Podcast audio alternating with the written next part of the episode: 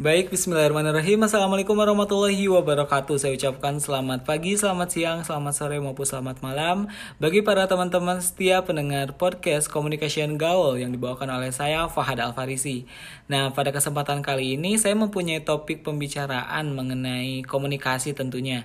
Namun di sini saya tidak sendiri, saya ditemani oleh rekan saya bernama Silva. Halo Silva. Halo. Nah, Silva ini merupakan salah satu rekan satu profesi saya di uh, kelas ya sebagai mahasiswa ilmu komunikasi dan sedang memperjuangkan gelar Esikom.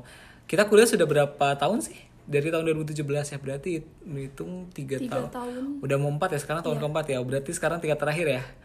Nah baik, Eh, nah judul yang akan kita bawakan itu merupakan, jadi gini sih, judul yang akan dibawakan itu adalah eh, public relation di era artificial intelligence atau AI. Nah, namun sebelumnya saya ingin kita sharing dulu aja ya santai santai, santai aja. Nah, tadi kan Silva kan sudah menjadi seorang mahasiswa ilmu komunikasi selama kurang lebih tiga tahun lebih nih. Ada nggak sih suka duka yang sekiranya itu melekat di hati Silva sebagai mahasiswa ilmu komunikasi selama tiga tahun gitu? Sukanya apa gitu? Sukanya masuk ilmu komunikasi itu saya menghindari hitung-hitungan ya pastinya. Jadi mungkin lebih ke kalau di pub, apa public relation lagi. Kalau di prodi atau program studi lain mungkin kan seperti akuntansi nih. Itu kan hitung-hitungan pasti banyak kan. Apalagi ngitung uang, di manajemen juga pasti ada. Di teknik apalagi itu kayak kalkulus seperti itu pasti harus di ini. Kalau di ilmu komunikasi nggak ada ya. Nggak ada. Nah, ada lagi nggak suka yang lain? Paling itu aja sih. Itu aja ya. Kalau dukanya? Dukanya mungkin karena di kampus saya kan berbasis teknologi tuh ya. Ah, Unikom ya, Iya. Universitas Komputer Indonesia. Terus Jadi mau bagaimanapun di semua program studi mana pun saya harus mempelajari mengenai mata kuliah tentang teknologi seperti animasi dan yang lain sebagainya. Iya. Yang tentunya itu wajib untuk dipelajari, namun belum terbiasa untuk saya. Jadi itu merupakan duka sekaligus tantangan bagi saya. Ah iya juga sih sebenarnya saya juga eh, bukan dari SLTA yang mempelajari tentang animasi dan apa ya komputer aplikasi-aplikasi lain juga. Dan emang pertama pas masuk ke kampus ini juga kayak kaget wah eh, ini ilmu komunikasi tapi belajar ini juga. Tapi tenang ya semakin banyak pelajaran yang kita tempuh semakin banyak juga wawasan yang akan kita raih dan kita dapat untuk diaplikasikan atau diimplementasikan eh kita implementasikan ke depannya ya nggak Iya. Nah, kan udah tiga tahun, berarti sekarang kan udah tahun ketiga mau keempat ya, tingkat akhir ya. Iya. Jadi nanti mungkin di bulan September atau Agustus atau September nanti kamu udah punya gelar ya, kita udah punya gelar ya, Esikom ya, amin Ya, ya. amin. Mudah-mudahan kita bisa bareng. Nah, eh kita udah lulus nih ya.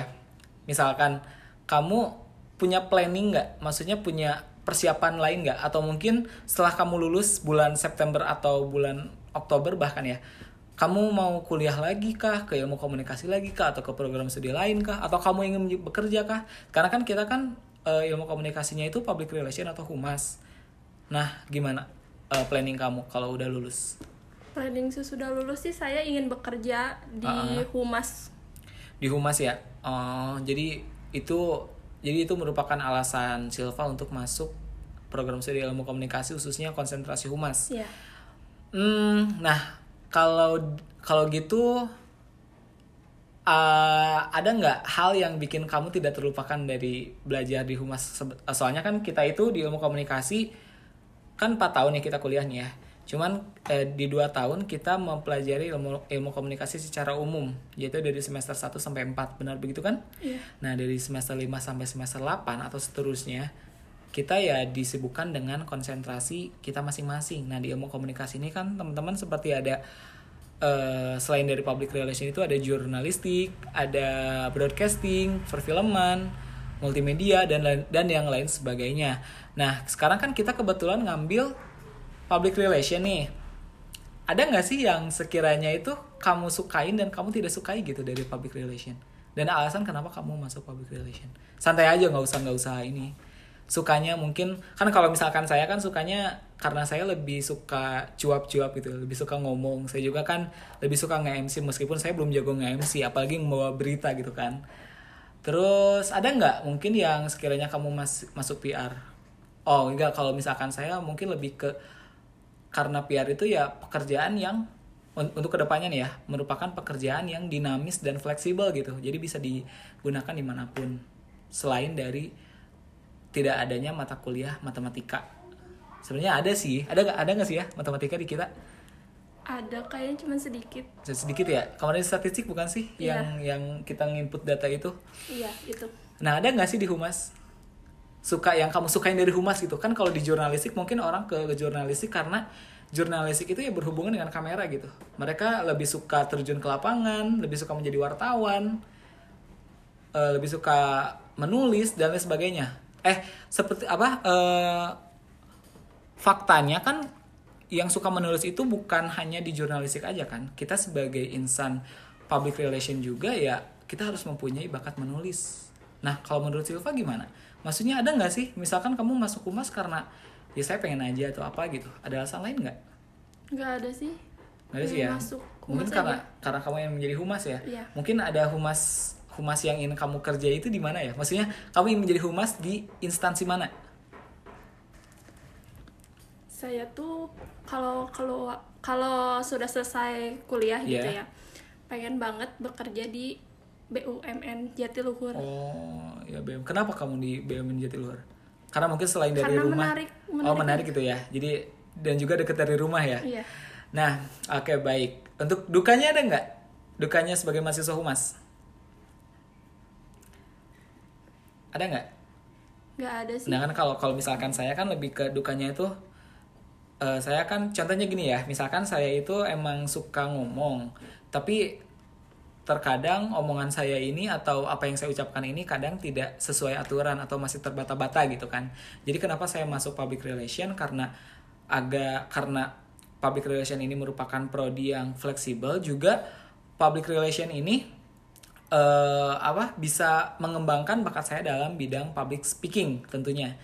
Nah kalau kamu dari kamu ada nggak dukanya? Kalau saya sih mungkin lebih kayak seperti kamu tadi pas awal kenapa eh, kaget dengan mata kuliah teknologi atau komputer aplikasi. Namun eh, kita nikmati dan jalani aja soalnya ya semakin banyak yang kita pelajari semakin banyak juga yang akan kita peroleh. Oke mungkin untuk dukanya nggak ada ya Silva ya? nggak ada sih Oke baik. Nah gini lah. Untuk pembahas kita langsung ke pembahasan utamanya aja ya. ya Nah eh, berbicara tentang public relation.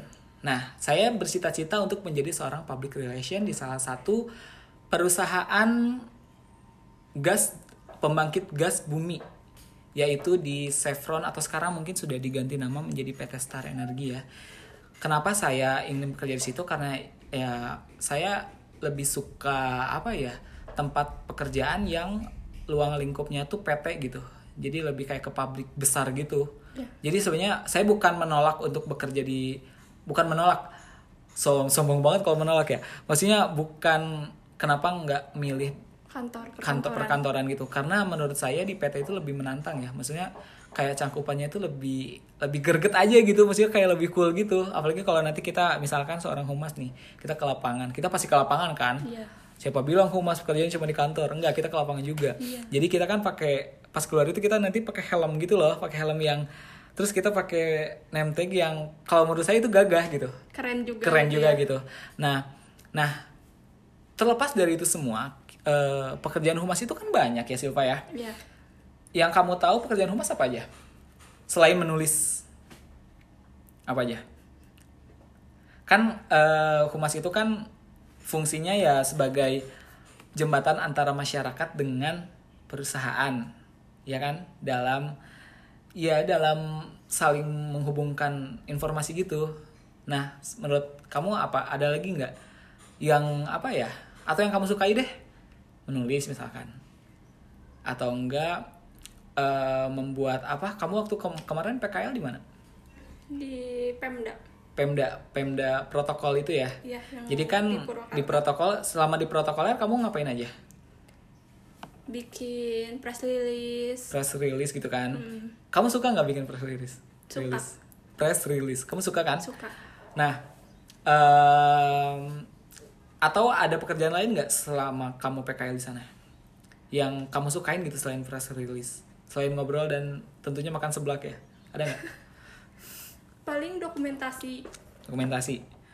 Hmm, baik. Eh, nah, sekarang kan kita ini hidup di eh, era di mana teknologi itu semakin canggih dan mutakhir. Setuju kan? Setuju. Kita hidup di zaman atau dinas dinasti, bukan dinasti. Kita eh, hidup di zaman 4.0 di mana semua Modern. modern gitu kan.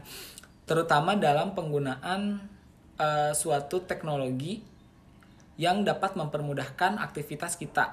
Nah, biasa disebut sebagai artificial intelligence atau kecerdasan buatan yang di mana kecerdasan buatan ini bisa mengerjakan aktivitas eh, apa semua bukan semua sih hampir semua aktivitas-aktivitas yang biasa dilakukan oleh manusia. Nah ini kan keren banget kan?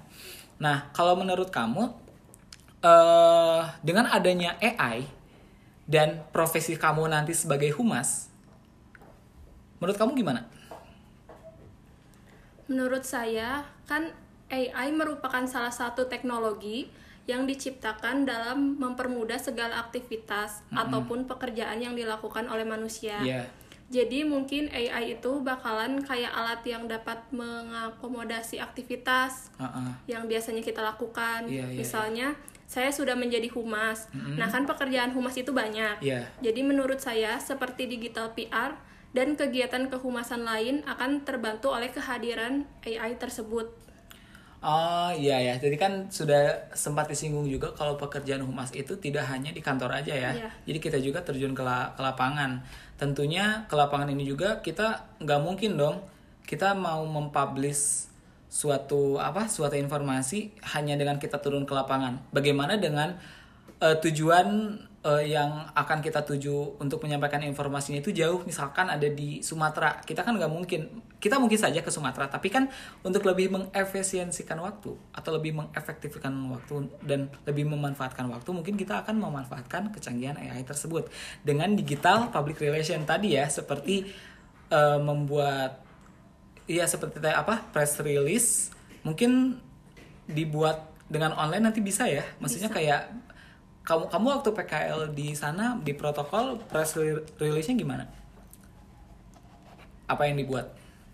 Tentang kegiatan Bupati Purwakarta. Kegiatan buat di Purwakarta. Kemudian di post nggak di media Post online di post? media sosial. Nah, nah seperti diketahui kalau itu merupakan salah satu AI nggak sih? Maksudnya kan dulu itu untuk mengetahui aktivitas seorang pimpinan perusahaan itu nggak apa susah gitu. Maksudnya eh, susah orang untuk mengetahui gitu.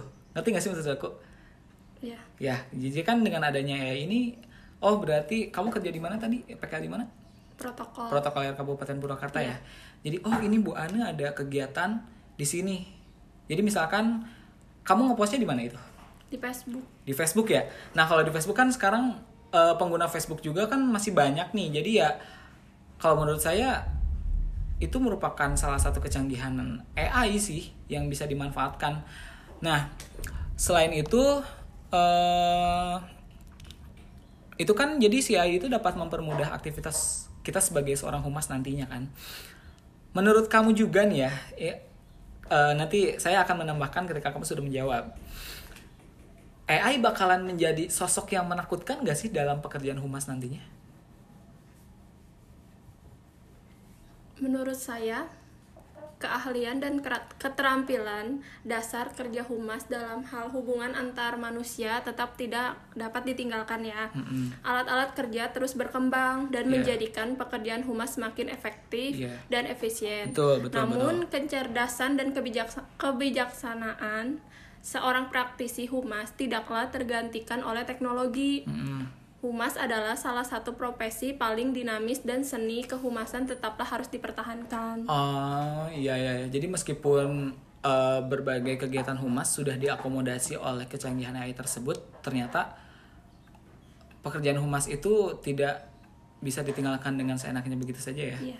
Jadi kalau menurut Silva nih, itu bakalan jadi ini nggak bakalan jadi apa ya hal yang menakutkan nggak sih? Apa biasa aja atau mungkin ba- bahkan seneng gitu? Enggak sih biasa aja. Hmm, jadi mungkin lebih kayak ke biasa lebih keseneng gitu ya. Iya. Maksudnya kan aktivitas kita sebagai humas bisa lebih terakomodir gitu ya. Karena kalau menurut saya sih mungkin lebih gini ya teman-teman komunikasi. Eh ada kalanya suatu pekerjaan humas itu ya memang dibutuhkan dibutuhkan oleh alat teknologi seperti handphone atau gadget-gadget lain yang lain dengan bantuan koneksi internet dalam mempublikasikan informasi kepada masyarakat. Nah kalau menurut saya sih dengan adanya AI ini, hmm, gimana ya? Saya juga bingung jawabnya. Mungkin kayak lebih ke, oh iya ancamannya ada sih. Ancamannya mungkin bagi orang yang bagi seorang PR, yang meskipun kita sebagai PR dituntut untuk bisa mengerjakan semua kegiatan, uh, semua semua aktivitas PR di dalam satu perusahaan kita kan dituntut untuk bisa semua hal gitu kan. Yeah. tapi kan ya namanya juga manusia pasti punya kekurangan kan. Jadi ada PR yang mungkin hanya bisa di salah satu aspeknya saja. Nah dengan adanya AI ini mungkin bakalan jadi ancaman sih kalau menurut aku. Jadi kayak lebih ke tersingkirkan gitu. Tapi ya jangan berkecil hati dulu sih. Karena kita kan sebagai insan komunikan ya mau nggak mau kita harus belajar gitu jadi agar bisa memanfaatkan teknologi tersebut untuk bisa lebih baik lagi. Nah, mungkin untuk kalau untuk uh, apa keuntungannya atau untuk apa ya strengthnya ya, maksudnya untuk lebih ke kelebihannya mungkin si AI ini ya tadi sudah disinggung mengenai untuk mempermudah aktivitas kehumasan. Itu sih kalau menurut aku jadi ada plus dan minusnya juga, uh, gitu. Jadi nggak nggak dengan adanya teknologi nih bisa mempermudah semua aktivitas kehumasan. Enggak enggak kalau menurut saya gitu enggak karena ya ya gitu ada plus minusnya. Minusnya ya mungkin sebagai bagi sebagian humas yang tidak menguasai dalam aspek lain mungkin akan tersingkirkan. Ya ya kita belajar lah gitu. Kita kan mahasiswa gitu ya. Apalagi ya ini Masih khususnya sama -sama kita belajar. kita sama-sama belajar. Mungkin ya seperti sekarang aja kan kita masuk kampus yang memang uh, mempunyai latar belakang teknologi. Kita juga harus mempelajari tentang uh, komputer aplikasi ya. Begitupun dengan AI kita juga harus beradaptasi dan terbiasa gitu dengan AI tersebut. Nah baik untuk pertanyaan terakhir ya mungkin Silvan ya. Ada nggak sih saran bagi para mungkin para para teman-teman Silva yang selain aku nih ya yang ada di sini mungkin uh, teman-teman Silva yang satu kelas atau beda kelas yang satu profesi sebagai mahasiswa yang mau komunikasi terutama humas ada nggak saran yang agar kita itu lebih bisa memanfaatkan kesanggihan AI ini gitu untuk ke depannya saran dari saya mungkin kita harus lebih aware tentang kemajuan teknologi hmm. semakin mutakhir yeah. karena semakin canggih teknologi semakin canggih juga kinerja dari teknologi yeah. kita harus hati-hati dalam menggunakan AI karena ini kan canggih banget nih. Uh, uh, uh. Ya harus hati-hati aja soalnya ya seperti hmm. yang diketahui pekerjaan humas itu sangat krusial oh. dan beresiko. Oh ya bentar bentar dulu bentar dulu. Jadi kita harus hati-hati ya. Jadi yeah. karena pekerjaan humas ini bukan pekerjaan yang bisa disepelekan gitu. Yeah. Karena ini menyangkut kita itu sebagai pewa, apa yang mewakili instansi yang kita wakilkan di mana tempat kita bekerja. Terus gimana lagi? Agar tidak terjadi kesalahan yang fatal, maka hmm. kita harus mempelajari tentang wawasan teknologi tersebut. Uh. Jadi jangan sampai ada kasus PR yang tidak menggunakan kecerdasan buatan tersebut dengan tidak penuh tanggung jawab. Oke, okay, oke. Okay. Contohnya seperti seorang PR disogok oleh suatu oknum untuk menyebarkan hoax uh. atau berita bohong kepada publik yeah. agar seorang PR tersebut mendapatkan uang dan banyak lagi kasus yang lainnya yang perlu dihindari. Yeah, yeah, Jadi yeah. saya pesankan agar lebih hati-hati dan lebih bisa memanfaatkan teknologi tersebut ke arah yang lebih baik lagi. Oh, nah, iya, itu iya, saran dari saya. Oh iya iya. Jadi kita ya sebagai insan komunikasi yang berorientasi maju, ya kita nggak mungkin kan hidup ke belakang, kita pasti hidup ke depan kan. Iya. Jadi kita harus mempelajari teknologi untuk bisa dimanfaatkan di kemudian hari kelak apalagi kita sebagai seorang humas. Nah, baik teman-teman uh, kita terasa ya udah hampir 20 menit kita berbicara tentang uh, kecanggihan AI di apa apa berbicara tentang humas di era artificial intelligence ini. Nah, jadi kesimpulannya adalah AI ini diciptakan atau teknologi ini sebenarnya diciptakan untuk memudahkan aktivitas manusia. Nah, dengan adanya AI ini atau artificial intelligence atau kecerdasan buatan yang di mana kecerdasan buatan ini bisa me, apa melakukan aktivitas sebagaimana manusia melakukan aktivitas tersebut. Nah, dengan adanya uh, AI ini mungkin bakalan menjadi sosok yang menakutkan atau bahkan sebagai peluang bagi kita seorang uh, sebagai humas ke depannya ya Silva ya. Yeah. Uh, jadi ya kita bis, bisa memetik hal yang baik dan tinggalkan yang buruk. Yang buruknya mungkin lebih ke tadi ya ada yang apa mengsalahgunakan AI untuk hal yang tidak baik ya. Yeah. Nah baik uh, mungkin untuk kesimpulannya kalau untuk da, apa untuk itu untuk kesimpulannya ya kalau untuk saran dari saya mungkin bagi teman-teman ilmu komunikasi yang uh, di tingkat akhir kita ber, kita sama-sama berjuang untuk mendapatkan gelar Esikom ya, ye, bentar lagi kita Esikom. Ya Eskom kita dapat kerja dan kita berpisah. Uh, sedih banget. Tapi nggak apa-apa. Kita Tapi kan kita masih satu kota. Iya, kita satu kota ya. Kalau yang lain gimana? ya gitu. Uh, baik, mungkin itu saja ya Silva ya yang bisa kita apa yang yang bisa kita bicarakan sekarang. Mungkin nanti ada episode lain juga yang di mana kita akan membicarakan tentang ilmu komunikasi khususnya public relation ya. Uh, mungkin sekarang waktunya akan uh, cep, apa akan habis. Saya tutup aja ya Silva ya. Yeah.